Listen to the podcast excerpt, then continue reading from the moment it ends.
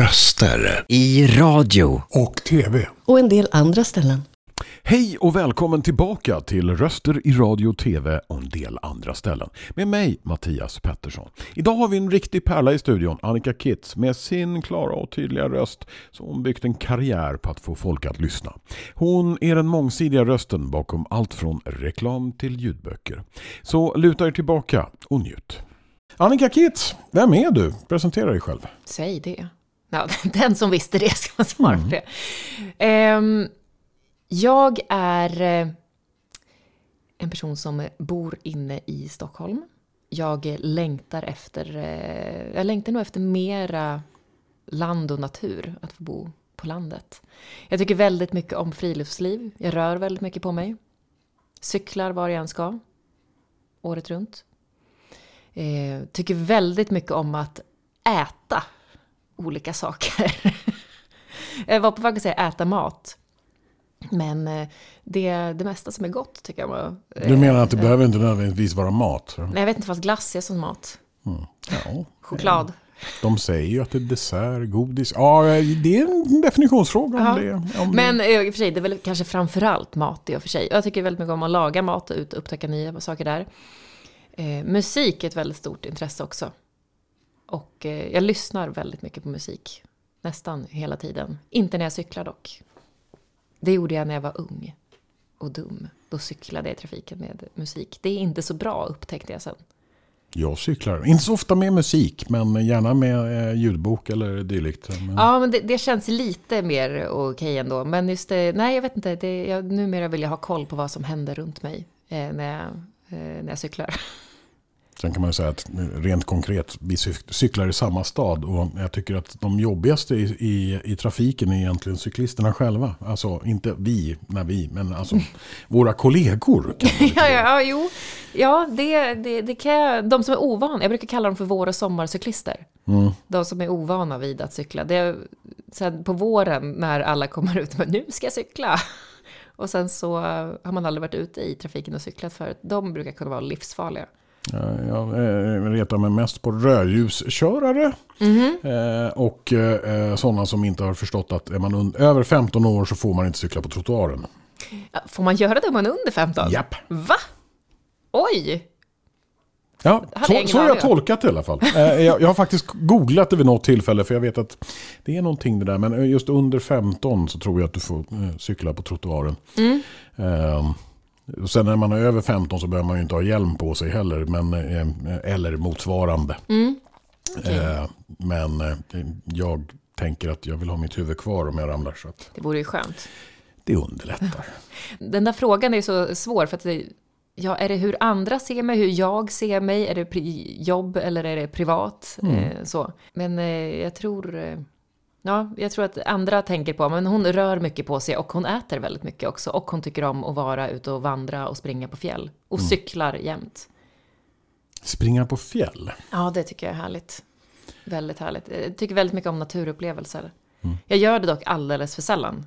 Men jag älskar det när jag är där. Kan jag stå och bara stirra ut i tomma intet uppe på ett fjäll eller så.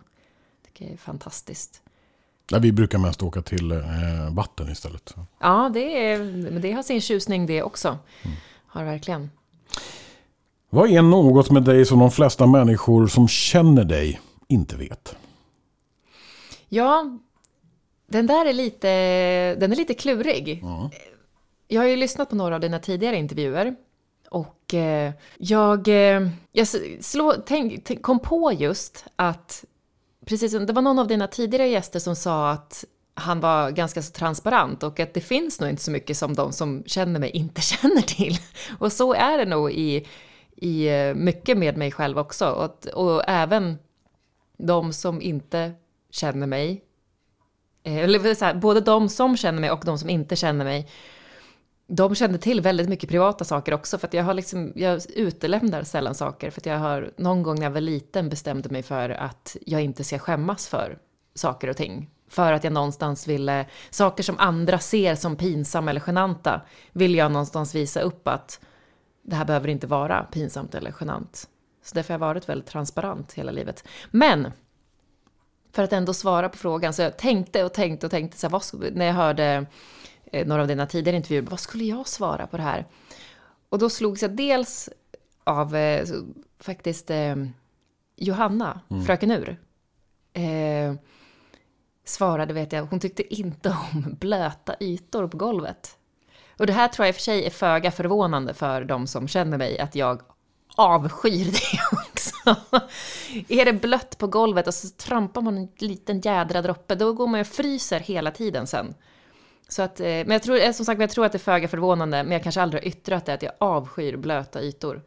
Det, ty- där det inte ska vara blött. Jag, jag, jag tror att du och min fru skulle komma rörande överens där kan man säga. Så Om jag spiller någonting på golvet och jag brukar, jag brukar ta eh, foten och torka upp det med. Men då blir man ju kall just. Nej! Jo, det Men- är just det. Jag går till och med runt liksom med extra tjocka sockor in eh, hemma för att inte få det på mig. Eller så, så sätter strumporna är det sista jag sätter på mig innan jag ska gå hemifrån. Mm. För att slippa gå med någon våt fläck i skorna. Jag vet inte, jag brukar inte ha så mycket våta fläckar alltså i lägenheten generellt sett. Annat än om man dräller någonting när man håller på att laga mat eller så. Men, Det eh, räcker att man tvättar händerna, då droppar det på väg till handduken så trampar man i det där sen. ja, ja. Ja. Eh, eh, ja eh, men då, då vet alla det. Ja. Annika gillar, eh, precis som Johanna, inte våta ytor. Nej. Eh, åtminstone inte så att, hon, eh, så att hon måste kliva i det. Exakt, precis. Ja. Vad missförstår de flesta om vårt arbetsområde? Ja, det där funderade jag också på och för min del så... Det är, så- jag har liksom inte riktigt... Eh, eller för sig, det är väl det som är meningen, vad dum jag är. Eh, jag, har inte så många som jobbar med det jag, runt mig som jobbar med det jag gör. Så kommer jag på att då är det ju verkligen upplagt för missförstånd.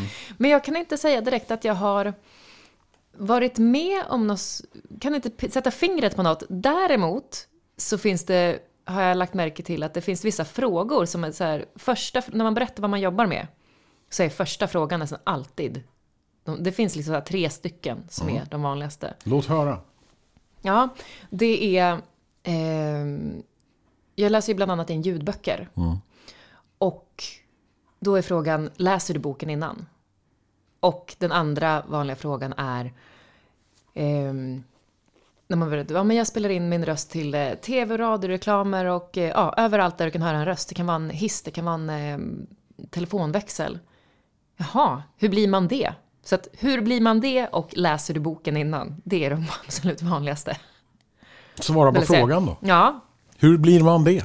Jo, det funderade jag själv på också. Hur kom jag in på detta? Men jag tror att... Jag har eh, funderat på det här flera gånger. Jag tror att det var när jag jobbade på Nyhetsmorgon för en eh, åtta år sedan. Kanske tog i. Skitsamma. Jag jobbade på Nyhetsmorgon och då var man ibland tvungen att spika sina egna inslag som man gjorde. Eh, För jag jobbade där som researcher, journalist. Så. Och gjorde för, intervjuade gäster som skulle vara med i programmet och jag gjorde som en förintervju kan man säga. Och tog fram research kring ämnet till programledare och så. Och ibland, om vi säger att det var eh, menar, en nyhet som har varit pågående länge, kanske ett rättsfall till exempel, så kanske man måste inleda hela den, eh, innan intervjun med en person som ska vara med, så kanske man måste inleda med en så kallad recap, med att detta har hänt, det här är varför vi tar upp det här.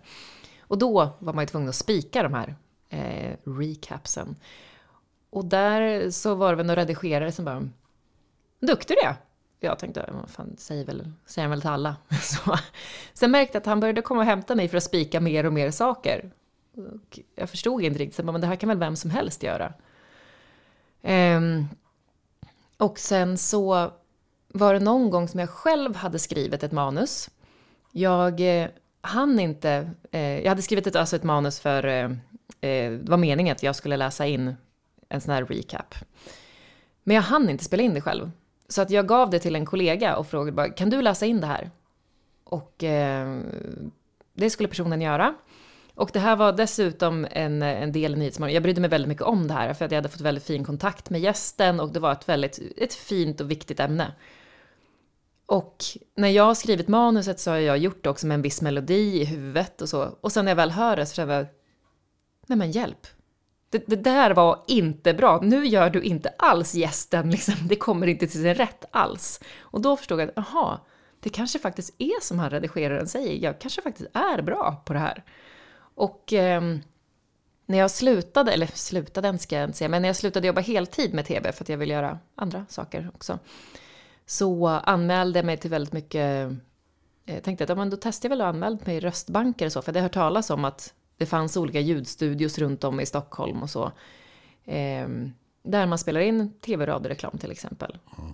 Och eh, då hade jag ju dessutom mycket röstprover jag kunde skicka ifrån, från Nyhetsmorgon. Och jag fick komma och lämna på flera ställen och det visade sig att jag var tydligen bra på det. um, och ja, på den vägen är det. det. Ehm, jag började väl jobba med det när jag var, eller ja, 2016 någonting, hösten 2016 började jag göra mycket speakerjobb. Och sen så har det eh, inte, absolut inte varit liksom fullt upp från början, verkligen inte, utan till början var det nog eh, ja, men lite mer som en rolig extrainkomst. Mm. Men sen så insåg jag att eh, jag kanske faktiskt kan göra någonting av det här.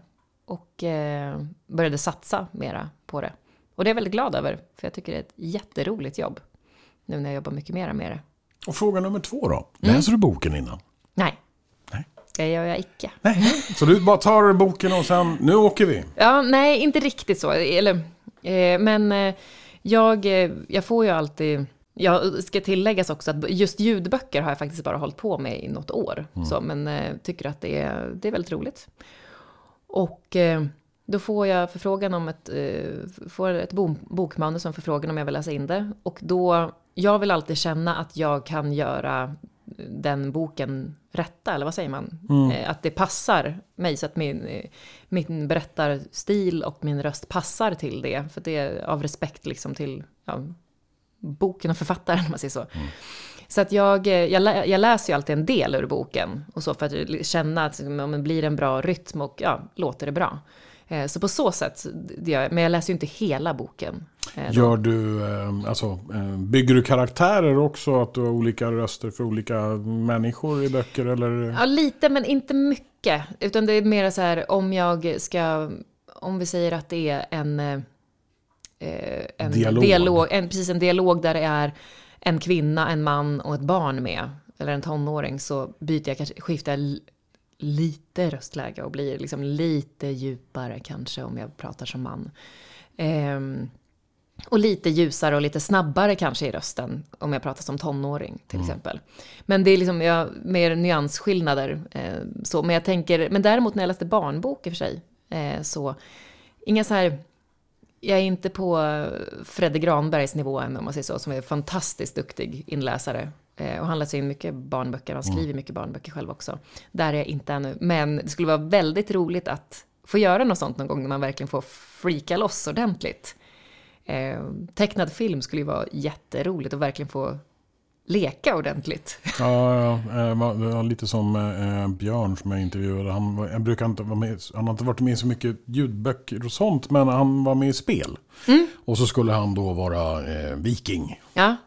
Så han fick packa ihop studion och åka ut till eh, mamma istället för hon bodde i villa. Och, mm. eh, ja, så att han kunde stå där och skrika. Ja.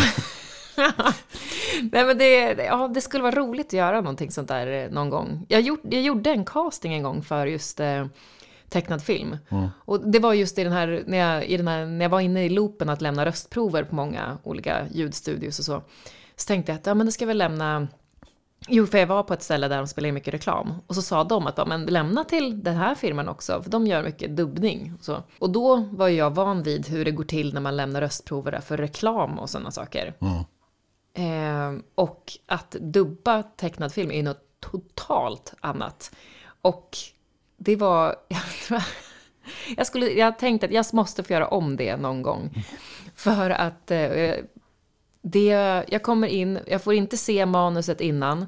Och det var i princip in i studion, där har du tidskoden, du ska, eh, läpp, du, där är, det här är scenen, så här ser det ut. Eh, kolla på läpparna, kolla på tidskoden och så nu kör vi. Okej. Okay. och jag hade liksom knappt sett manuset. Medan just när man får lämna röstprover för eh, reklam till exempel, då kan jag ju få se manuset innan och mm. liksom få sitta och känna in så, men, vad jag vill betona på, vad jag vill ha för rytm och tempo och sådana saker. Och det här var något helt annat. Jag har förstått att det har lite grann med vissa rättigheter att göra så att man inte det finns en anledning till varför man inte får se manuset innan. Men överhuvudtaget så var det så, var det liksom chockartat för mig att bara bli inkastad i studion där. Lät, tänkte- lät lite så grann som eh, första gången jag var med i radio en gång. Jaha. När jag var 15. Sådär. In i studion, här har ett papper, läs. Okej. Okej. Ja. Och sen, sen, sen, resten är historia som man säger. ja, men det gick bra ändå. Eh, ja, till slut så. Ja. Eh, jag kommer fortfarande ihåg att jag kom hem från den, den besöket i den närradiostudion och eh, eh, min mor frågade mig, jag hörde aldrig dig. Nej, intressant. För, förmodligen för att jag eh, var lite, eh, men, men jag blev biten av det. Och sen, Ja. och sen eh, blev det det. Röster i radio. Och tv. och en del andra ställen. Hej lyssnare! Det är dags för en liten paus i röster i radio och tv och en del andra ställen. Tack så mycket för att ni är här och lyssnar. Vi hoppas att ni har haft lika kul som vi har haft hittills. Om ni har några frågor eller förslag på gäster så tveka inte att kontakta oss på podd toneofchoice.se podd at toneofchoice.se Vi ser fram emot att höra ifrån er och fortsätta vår resa tillsammans. Röster i radio. Och tv. Och en del andra ställen.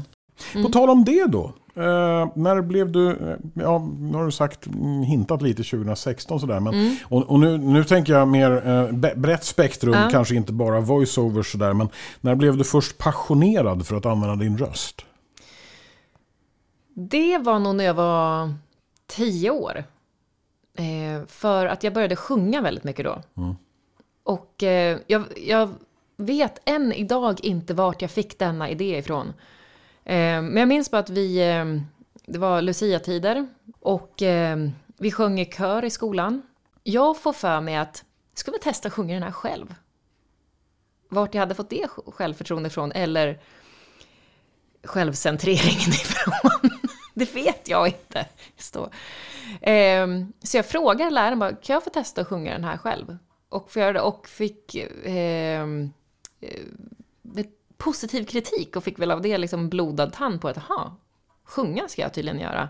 Och sen fortsatte det där så att jag gick i musikklass och sen när jag började gymnasiet och så flyttade jag från staden där jag kommer ifrån och flyttade hit till Stockholm och började på Rytmus, musiker och artistgymnasiet.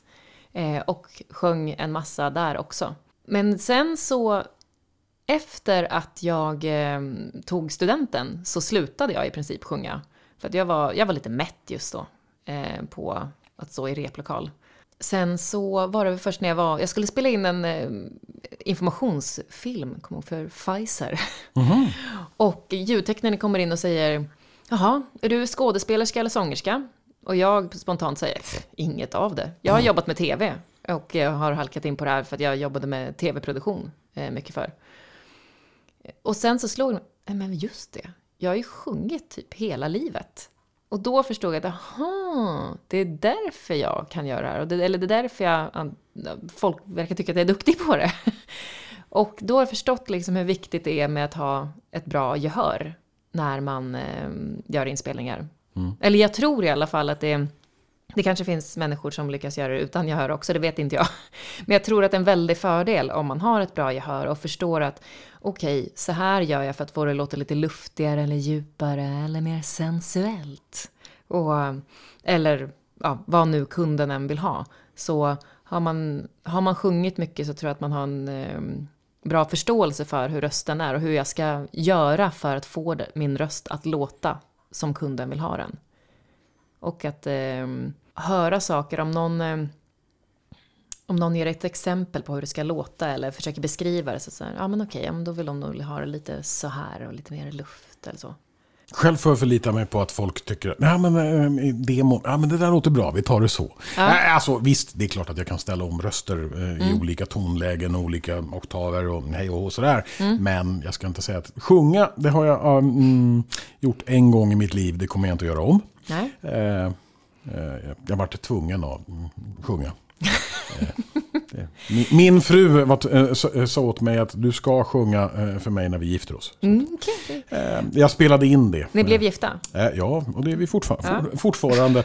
Den, den spelades sedermera upp på bröllopet också. Eh, och, själva bröllopsfesten jag vet fortfarande inte om kvinnorna i, i, i samlingen grät för att det var vackert eller för att de eh, led. De var jag, ju avundsjuka jag... såklart för de inte hade fått sån sång på sitt bröllop. Ja, det, så, så, så mm, vi, vi, vi, kan ju höra med frun sen. Men jag tänker också att kan man inte, eh, gehör kan man väl ha även om man inte om du, jag vet inte om du anser att du inte kan sjunga, eller det låter så på dig?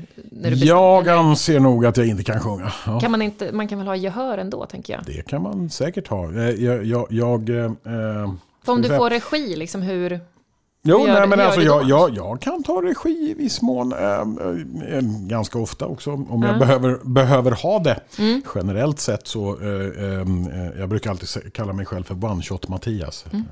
Det är ett bra artistnamn. Ja, ja. ja. Man kliver in framför micken, här är manus och så kör vi. Ja. fast One Shot kanske lite tar i, men det, det behöver inte ta lång tid. Så blygsam. Ja. Oh, jag är känd för det. Eh, nu ska vi se. Eh, vad skulle du ge för tips och råd till en person som vill börja arbeta inom den här sfären? Nu tänker vi alltså som voiceover eller... Mm. Ehm, mm. Ja, det är såklart det är det. Ja, jag det, voiceover, radio, men nu har inte du jobbat så mycket Nej, med radio precis. så därför kan du inte kanske ge så Nej, mycket tips och Där skulle jag vilja tips snarare. Radio verkar väldigt kul. Jag var, inne, var på väg in i det för en massa år sedan. Eller tänkte att jag skulle jobba med det. Sen blev det, en, det blev tv istället. Men mm. det verkar roligt. Mm. Men hur som helst, vad jag skulle ge för råd? Det är att eh, lyssna på mycket olika varianter. Om det, låt säga att det är reklam. Att man lyssnar på mycket olika eh, varianter av reklam. Eller om det är informationsfilm, lyssna på de som är duktiga och eh, försökt, eh, försök lägga märke till vad är det som gör det här bra, till exempel. Så när jag har lyssnat på ljudböcker framförallt så har jag lyssnat mycket på de som jag tycker är duktiga. Bland annat Fredrik Granberg, tycker jag är jätteduktig. Um, för att eh, ja, men, samla inspiration till det. Och sen så får man väl helt enkelt öva, tänker jag också, att göra inspelningar själv. För att det är ju inte, framförallt ljudböcker är ju definitivt inte så enkelt som man kan tro kanske. Nej, jag, jag, kan... Eh, eh, jag, kommer ihåg när Robin Kalmegård var här. Han sa mm. att han hade spelat in en, en, en bok åt Storytel tror jag det var. Mm. Och recensionen av hans inläsning var, det lät som att det var väderprognosen på TV4. Ah, den, den, den hoppas jag att jag inte får. Han eh, tänkte att eh, ja, kanske inte var min grej då just då. Ja. Men det är samma, jag har fått ett erbjudande själv. Liksom så här, ja, men eh, eh du kan väl läsa in eh, ljudböcker. Mm. Eh, jag har bara sagt att ja, jag kanske borde läsa in en demo först för att se om det faktiskt passar för att läsa ljudböcker innan. Men jag har liksom inte, det berömda tummen har inte riktigt lossnat än. jag förstår. Nej, men eh, jag tycker lyssna på dem som man, är, som man själv tycker är duktiga och har en bra röst och eh, försök känna efter, okej, okay, vad är det som gör det här bra? Och sen så är det väl helt enkelt att göra testinspelningar själv och eh, börja lansera sig själv. Och ta, man får inte vara rädd för att ta kontakt med bolagen sen heller som sitter och spelar in eh, spelar in röster till reklamer och ljudböcker och så, utan man måste bara ut och testa. Ja, och eh, det, det, kan jag definitivt hålla med om. Det, det, är betydligt mycket enklare om man har direktkontakten med bolagen än att gå via diverse sajter och mm. agenturer. Och, mm. För har du en upparbetad eh, kundstock så eh, landar jobben då. mm. okay, eh. Nej, men det, jag tänkte just, eh, jag kommer ihåg att eh, mina första voiceover-jobb jag gjorde, eh, jag hade fått förfrågningar tidigare, kommer jag ihåg, från eh, en av vad ska man säga, castingbyråerna och ljudstyrelserna i Stockholm. Och eh, då visste väl inte jag liksom så här, hur pass eh, ja, men, att det här kunde vara ett jädrigt bra jobb. Så att jag hade bara nej jag är bortrest då, jag kan inte. jag hade tackat nej två gånger. Och sen så när jag kände att jag ville dra ner på tv-jobbandet och inte jobba heltid där längre, då, eh, det var ju då som jag dessutom hade en massa röstprover och, som jag kunde skicka från Nyhetsmorgon eller länka till saker jag hade gjort som eh, låg på ny, Nyhetsmorgons hemsida. Liksom. Då när jag skickade det och eh, tog kontakt med en studio där jag i och för sig redan fanns med i Röstbanken men jag hade aldrig gjort något jobb för dem. Och så ville bara säga, ja, hej, jag finns eh, om ni vill eh, ja, ha en sån här röst någon gång. dagen efter så ringde hon och frågade ifall jag kunde, vara, kunde komma på inspelning om några dagar. Så det var, då, såklart, det är mycket timing där Mm. också. Men som sagt var att inte vara rädd att bara höra av sig, presentera sig. Och ja. Vad man, Nej, vad man jag, har jag, eh, vet det, jag med min historik i radiobranschen Mm. och sen eh, över då till, numera så är jag ju mer eh, datanörden eh, radiopratare om man säger så. Och eh, därmed så har jag också halkat över i att jag kör mer voiceovers och dylikt. Mm. Eh, och ja, drygt ett år sedan så beslutade jag mig för att nej, jag måste göra någonting riktigt av det här. Mm. Liksom, och börja liksom marknadsföra det och jobba lite. För annars har jag haft Mm. det som en sidodel i min teknikbusiness, om man säger så. Eh, och jag har ju märkt också liksom att ju mer du eh, vad heter det, går ut och bearbetar eh, byråerna och eh, pratar med dem och skapar en kontakt med dem och, och går förbi och bara säger tjena, kopp kaffe, snackar lite skit. Alltså, det gäller, om du inte hörs så finns du inte. Nej, nej, men lite så eh, är det. Och framförallt i våran bransch. Där ska man höras. Nej, eh, det underlättar markant. Vilken är den största utmaningen du har just nu och hur ska du övervinna den? Ja, jag tänkte ju eh, för några månader sedan, eller nu också, men eh, AI såklart. Eh, Jag har dock blivit lite lugnad av folk ändå som har varit länge i branschen som påstår det just att bara fast just när det kommer till böcker och sådana saker så att, att folk kom, den personen jag pratade med då var så nej men jag tror att folk kommer vilja ha det autentiska fortfarande där. Eh, Ja, så jag väljer att tro på det. Men sen så har jag ju själv sett reklamfilmer till exempel, liksom som där, eh, fort, än så länge bara med amerikanska röster i och för sig. Eh, så jag tror att engelskan ligger ju farligt till. Eh, Ja, de ligger ju farligare till i alla fa- fall. farligare Alltså, till, precis. Men för eh, sen så pratade jag även med eh, några som driver en castingbyrå också. Och de känner väl liksom så här bara, nej, tror inte svenskan är så hotad av det. För att svenskan är så pass, det är så unika ljud i det. Så det, det kommer ta tid innan man kan få en AI-röst så pass bra i svenskan. Så att, det är väl eh, lite betryggande i alla fall. Men eh, i övrigt annars är det faktiskt att, som sagt var, ljudböcker, det eh, har jag bara hållit på med i ett år. Och eh, det, det kräver någonting helt annat av en än att läsa reklam till exempel. Att jag gick in och började läsa reklam där 2016, då var det som att det satt på en gång och flöt väldigt enkelt för mig. Men en ljudbok kan ju ta tio timmar att spela in. Eller nej, vad säger jag? En ljudbok kan vara tio timmar lång. Sen tar den ju ännu längre tid att spela in. Så det kräver ju något helt annat av en i fokus och i eh, Eh, skicklighet att läsa snabbt om man säger så. Att sen då, eh, sagt om du kan inte sitta och läsa. Nu ska jag säga för sig, det här är ju bara hur jag eh, gör. Vissa kanske läser hela boken innan. Ehm, men det, det finns ju något skönt med när man kan bara läsa och sen läsa med ögonen och sen så strax därefter så säger du med munnen och få in rätt melodi liksom på en gång. Och det där är ju liksom någonting som man kan liksom öva på mer och mer och mer så att det går smidigare och smidigare och smidigare. Ehm, så att man inte snubblar på ord och att betoningar blir rätt på en gång. Ehm, och så. Så att eh, jag vill bli, ska vi bli en ännu bättre ljudboksinläsare helt enkelt. Ja, jag kan väl säga. eh, För det första när det gäller AI så kan jag Mm. inflika att när jag får eh, jobb via vissa sajter så Mm. lusläser jag numera eh, vilka rättigheterna gäller. Eh, Mm. För om det står att de får rättigheter att göra vad de vill med min röst så är det bara nej tack, det är jobbet. Mm. Hur uttrycks eh, det?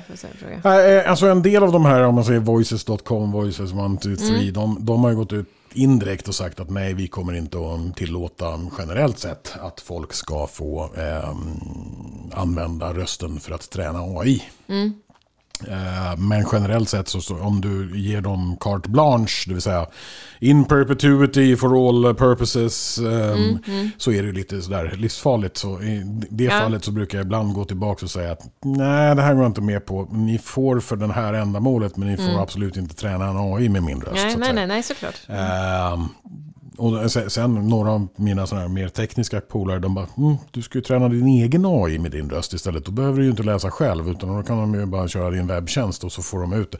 Ja, jo, det är en idé, men det, man, man, ska eh, ha tid att träna den också.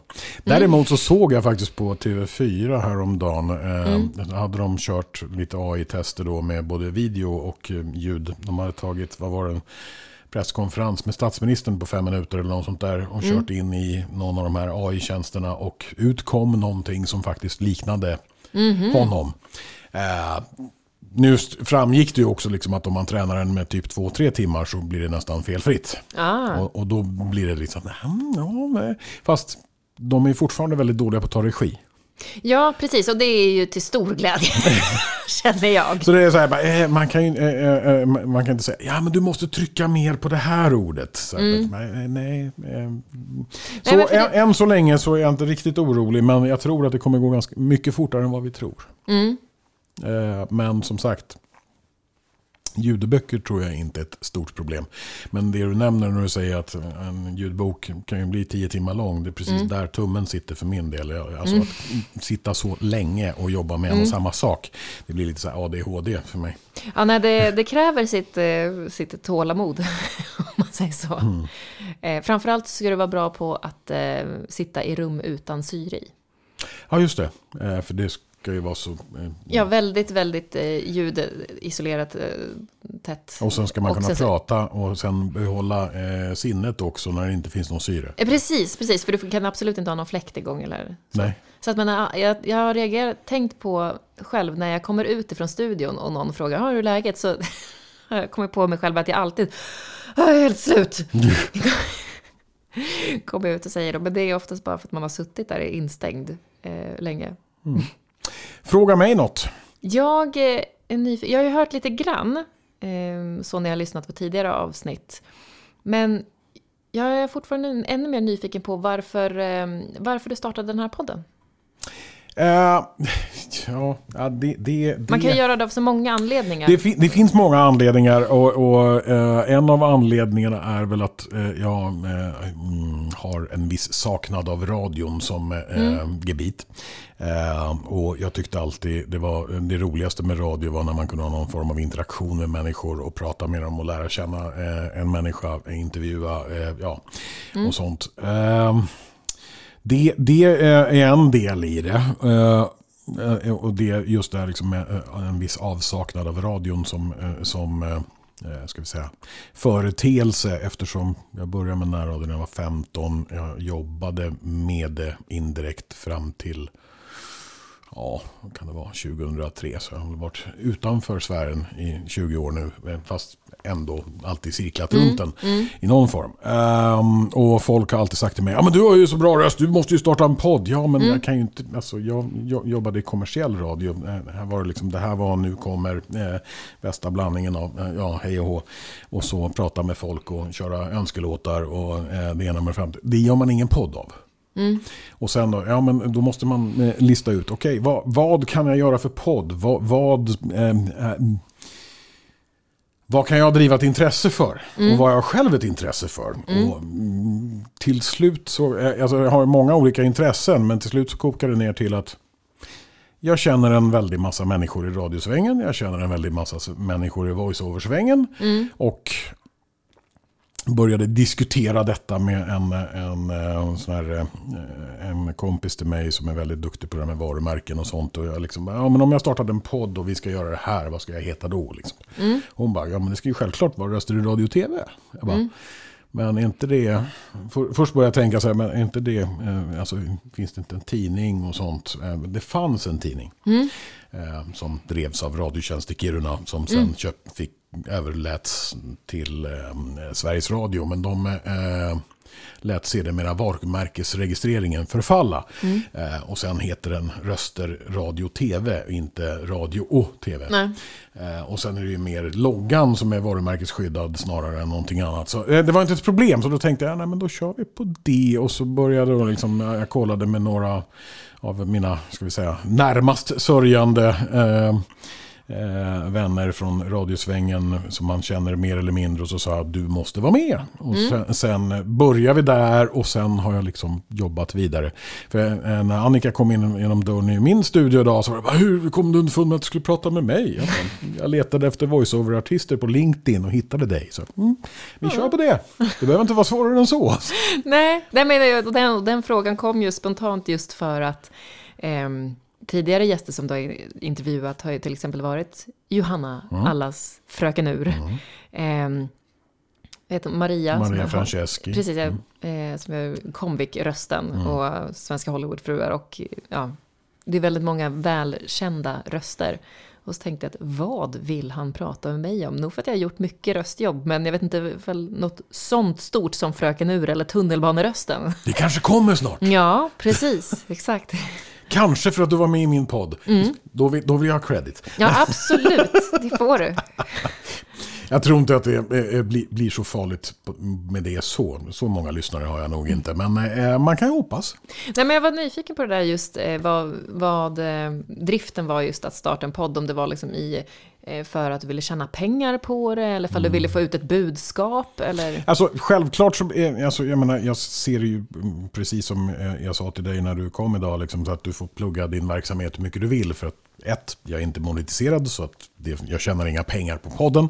Eh, Självklart hoppas jag att någon gång kanske få någon som vill köpa reklam i podden, men det är liksom inte prioriteten. Eh, den största delen är att jag tycker att det är kul att prata. Eh, och jag tycker det är kul att mm, intervjua folk, lära känna folk. Eh, Alltid bra att bygga sitt nätverk. Plus att det naturligtvis är också en marknadsföring eh, i formen av att hej, här är jag, så här låter jag Ja. om jag pratar radio. Eh, nu kanske jag inte låter exakt likadant när jag eh, kör voiceovers, men eh, samtidigt så är det så att eh, eh, när jag Ja, som, jag var till och med 14 när jag började. Eh, så, så då var ju målbrottet. Så man var ju tvungen liksom att försöka mm, prata, prata lite lägre. Ja, Sen fastnar man någonstans där. så att när man fortsatte att prata radio så blev det så att så fort man ställde sig framför en mick så sjönk man en Ja. ok- oktav eller två. ja. Och till slut så blev man eh, Bengt Magnusson-rösten. Utan att vara Bengt Magnusson. Ja. Men, eh, som tur var slutade jag röka för tio, tio år sedan också. Men eh, det hjälpte nog kanske till med basrösten det också i viss mån. Men, eh, nej, så det, eh, podden är mer för att det är roligt och alltså, bara sitta och prata med folk. Eh, göra det i en form av radio och sen blir det ju en form av marknadsföring då av mina tjänster som jag lägger ut det på min hemsida också. Färdiga avsnitten om man säger. Men när du får voiceover-jobb, Ja. eh, reklam till exempel, eller informationsfilm eller företagsfilm, så vad, eh, vad vill kunderna oftast ha ifrån dig då? Vilken, eh, vilken stil och känsla vill de oftast ha? Generellt sett så är det nog min, ska vi säga, sakliga, eh, eh, ska man säga, saklig, trygg, eh, alltså, leverera, eh, ska man kalla det för, närmast dokumentär liknande. Och sen är det ju vissa gånger när man får riktig reklam då så ska man ju driva på och köra med, ja, och glöm inte att du ska köpa det här nu. Eh, men sen, sen det sista jobbet jag gjorde, nu gav jag bort det gratis därför att det var för välgörande ändamål. Men ehm, var, var eh, några byggverksamheter i Sverige, så- alltså byggvaruhus i Sverige som kör en kampanj för eh, prostatacancer. Jag tror avslutningen var så den som, eh, de sålde kalsonger. Varav 20, 20 kronor av de här kalsongerna gick till eh, eh, Forskning? forskning. Då. Ja. Och eh, sen slutade tv-spotten med den som går med rumpan bar. Därför då går killen eh, med rumpan bar precis. Så. Jag tänker, för du har ju en väldigt, väldigt snygg, djup röst liksom. Det hoppas jag. Ja, men då tänker jag att det är liksom, jag, jag, jag, jag trodde att det var det som kunderna oftast ville ha, Nej, Jag vet inte varför folken kom, jag vet inte varför de kommer till mig, men jag är alltid tacksam att de gör det. Ja. Det eh, eh, mest malplacerade jag känt mig senaste året tror jag, förutom eh, eh, danskan då, eh, var när en, jag ska inte nämna dem vid namn, men det, en- de, eh, eh, det kom en stycke tror jag, gymnasieskola som skulle göra reklam för sig själva. Och eh, försöka få elever att söka till deras gymnasieskola. Var en gymnasieskola här i Stockholm. Och jag undrar varför väljer man en 50-taggare till det? Ja, den är lustig faktiskt. Varför väljer man inte en 16 år, eller 15-16-åring som ska söka? Precis. Ja. Det, men eh, så, som sagt var, jag menar, får jag betalt så gör jag jobbet. Så att det var inte så att de ville att du skulle låta Nej. som en 15-16-åring? Nej. Utan du skulle låta Det var, det var bara, eh, vi vill ha din röst, den Jaha, låter ja. skitbra. Eh, ja. och jag bara, mm, är inte bättre med någon som kanske låter som Mm. Eh, eh, de ni försöker ragga upp, om man säger så. Men Mm. eh, nej, eh, det skulle vara jag. Och jag bara, mm, okej, men... Vi Ja, kör. eh, ni, ni har rätt, ni håller i plånboken. Ja. ja. Ibland blir man inte riktigt klok på hur de tänker, men ja, så är det. Har du fått larvar i någonting då när du har gjort det? det? För det, det, kan jag, eh, det blir jag väldigt glad när jag väl får larva mig liksom i det jag spelar in. Att de, för jag, ofta så får jag höra liksom, ah, men vi tycker om din trevliga, raka röst. Som, alltså, du, att, du låter tydlig och förtroendeingivande men ändå trevlig. Det är det vi vill ha. Och, men jag tycker det är så, och det är jättefint. Men när man får göra någonting som sticker ut lite mera. Eh, att man får låta extra sensuell. Eller så, det, Den- det, man får ja, larva Jag vet inte hur bra jag lyckades, men den, den värsta, eh, värsta eh, regin jag någonsin har haft.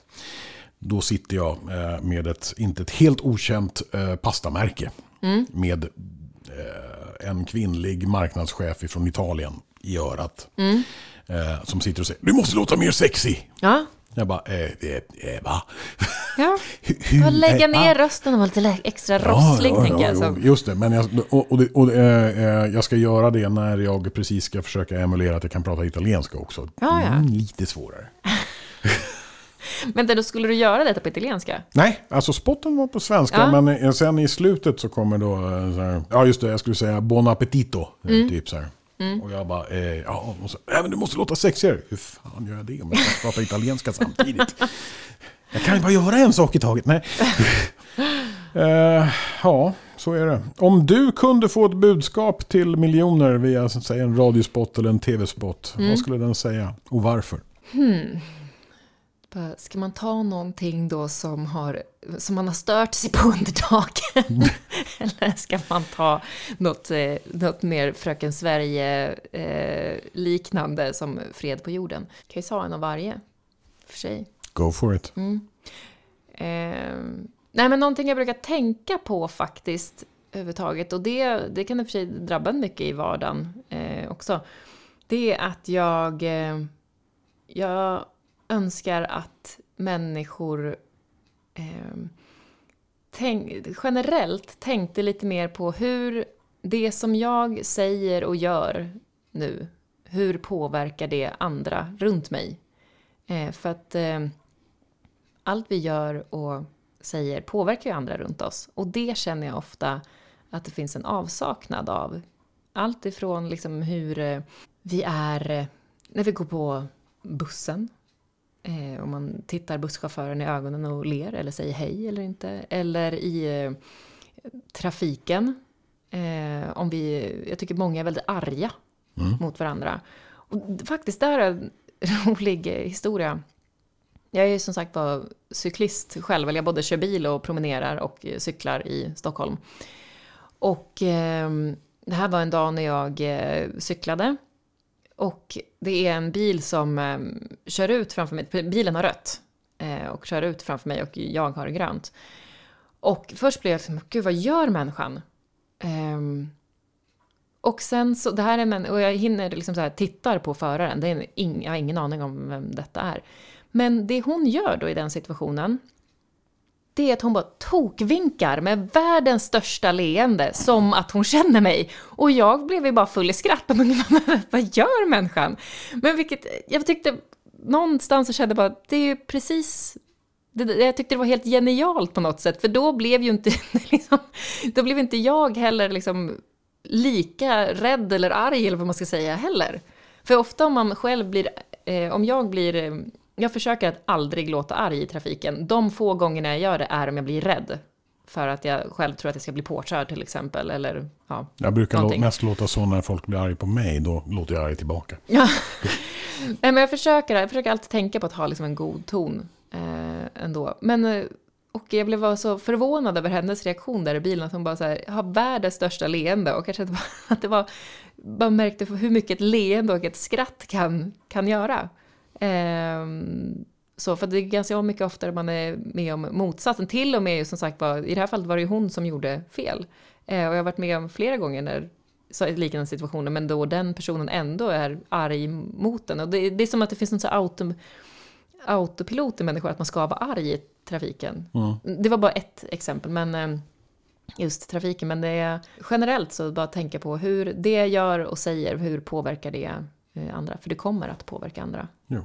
Tack! Och, eh, jag skulle ju få säga det korta också ju. Säg det korta. Ja, Jag kan klippa bort mitt tack och lägga på tack sen. ja, för eller så får jag två tack. Ja. Ja, det korta. Mm. Parkera inte din elsparkcykel i ett cykelställ där man ska kunna låsa fast en cykel. Tack. Röster i radio. Och tv. Och en del andra ställen. Sådär ja, det var vårt samtal med den imponerande Annika Kitz. Hon levererar alltid oavsett projekt och även i vårt projekt har hon levererat tycker jag. Om ni har några tankar, idéer eller rent av applåder skicka dem till podd at toneofchoice.se det vill säga podd snabela toneofchoice.se Jag är Mattias Pettersson och nästa gång så träffar vi en radiolegendar i formen av Jesse Wallin. Till dess, ha det gott!